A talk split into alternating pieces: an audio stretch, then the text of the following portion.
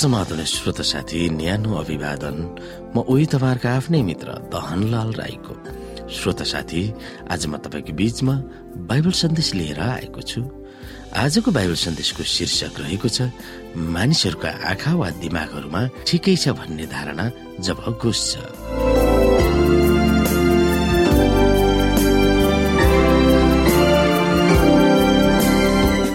श्रोता साथी युगको अन्तका दिनहरूको सन्दर्भमा यसुले अत्यन्तै प्रभावकारी र उल्लेखनीय चेतावनी उहाँका मुखबाट उच्चारण गर्नुभएको थियो। अन्तिम दिनहरूमा नक्कल वा झुटा शिक्षा वा मसिह र झुटा वा भविष्य वक्ता वा भगवान स्वामीहरूको उदय हुनेछन् भनेर। परमेश्वरले नै भन्नुभएका मानिसहरूलाई पनि सकेसम्म धोका दिन सबैलाई चकित पार्न तिनीहरूले अनेकौं अचम्मका चिन्ह तथा चर्तिकलहरू वा अचम्मका कामहरू गरेर देखाउनेछन्।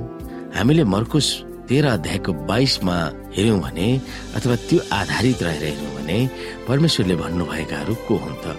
उहाँले आफ्ना स्वर्गदूतहरूलाई तुरहेको ठुलो आवाजको साथ पठाउनु हुनेछ र तिनीहरूले आकाशको एक छेउदेखि अर्को छेउसम्म चारै दिशाबाट उहाँका चुनिएकाहरूलाई भेला गर्नेछन्। यो अति भयभीत पार्ने खबर छ होइन त? अन्तिम दिनहरूमा शैतानले ल्याउने जालहरू यस्तो महान हुनेछन् कि परमेश्वरका आज्ञा पालन गर्ने र यशुमाथि विश्वास राखेर अडिग हुने सेभेन्थ द एडभेन्टिज चरित्र यशुका भक्तजनहरू पनि उसको पासोमा पर्ने खतरा हुन सक्छ। शैतानले कसलाई धोका दिन्छ भनेर प्रकाश बाह्र अध्यायको नौमा उल्लेख गरिएको छ। यहाँ लेखिएका बोलीहरूलाई हामीले कसरी बुझ्न सक्छौ? यहाँ हेर्न सक्छौ हामी त्यो ठुलो अजिङ्गर तल फ्यालियो। त्यो प्राचीन सर्प जो सारा संसारलाई बहकाउने दियावलस वा शैतान हो त्यो पृथ्वीमा फ्याँकियो र त्यसका दूतहरू त्यसका साथसाथै फ्याँकिए भनेर बाइबलमा लेखिएको छ। जसरी युगौं युगमा परमेश्वरका केही विश्वासी जनहरू थिए त्यसरी नै युगको अन्तमा पनि उहाँका केही मात्र भए तापनि उहाँलाई विश्वास गर्ने उहाँमाथि भरोसा राख्ने र उहाँका नीतिहरूमा चल्ने भक्तजनहरू त हुनेछन् नै। तर प्रकाशको पुस्तकमा लेखिएको वाक्यले शैतानको जाल कतिसम्म फैलिएको रहेछ भनेर त्यसको यथार्थलाई उघारिएको छ। हितपथे चौध अध्यायको बाह्रमा के प्रभावकारी र उल्लेखनीय चेतावनीहरू प्रस्तुत गरिएको छ हामी हेर्न सक्छौ।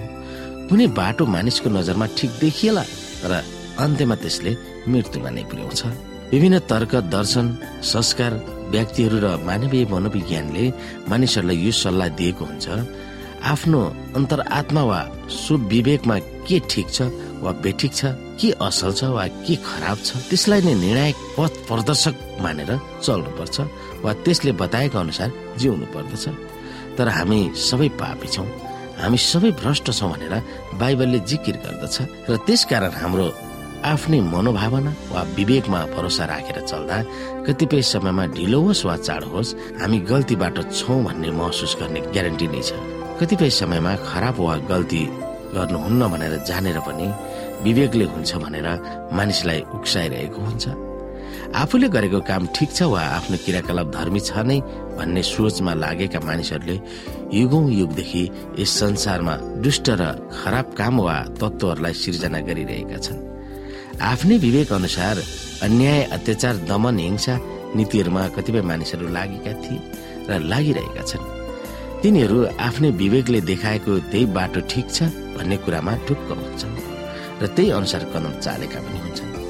तर हामी यसो भक्तहरूले हाम्रो विवेक सोच वा दिमागलाई कसरी तह लगाएर चल्ने भन्ने निर्णय गर्नु आवश्यक छ? हामी पापी हौ। हामी जोसुकै भए तापनि जुनसुकै संस्कारमा भए तापनि जोसुकै जातका भए तापनि हाम्रा विवेक सोच्ने र निर्णय गर्ने अधिकार पापले गर्दा प्रदूषित र भ्रष्ट भएको छ। तब हामी कसरी ठिक भएर चल्ने भन्दा हाम्रा दिमागहरूलाई परमेश्वरको वचनले डुबाउनु खोज्नु पर्दछ उहाँकै वचनमा रहने अठुट गर्नुपर्छ।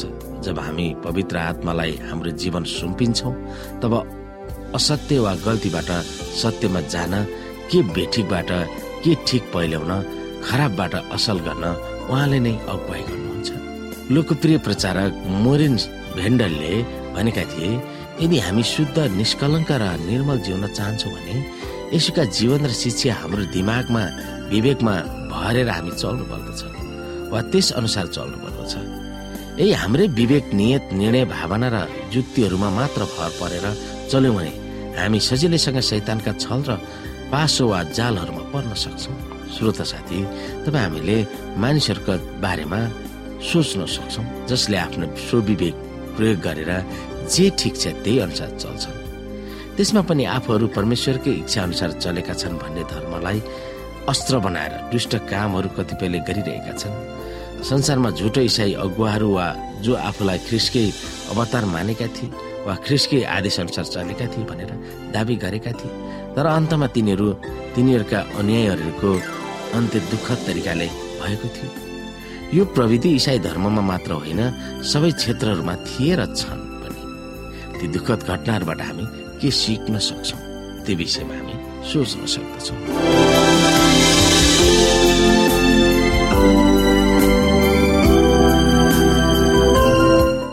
श्रोता साथी आजको लागि बाइबल सन्देश यति नै। हस्त नमस्ते जय मसिंह।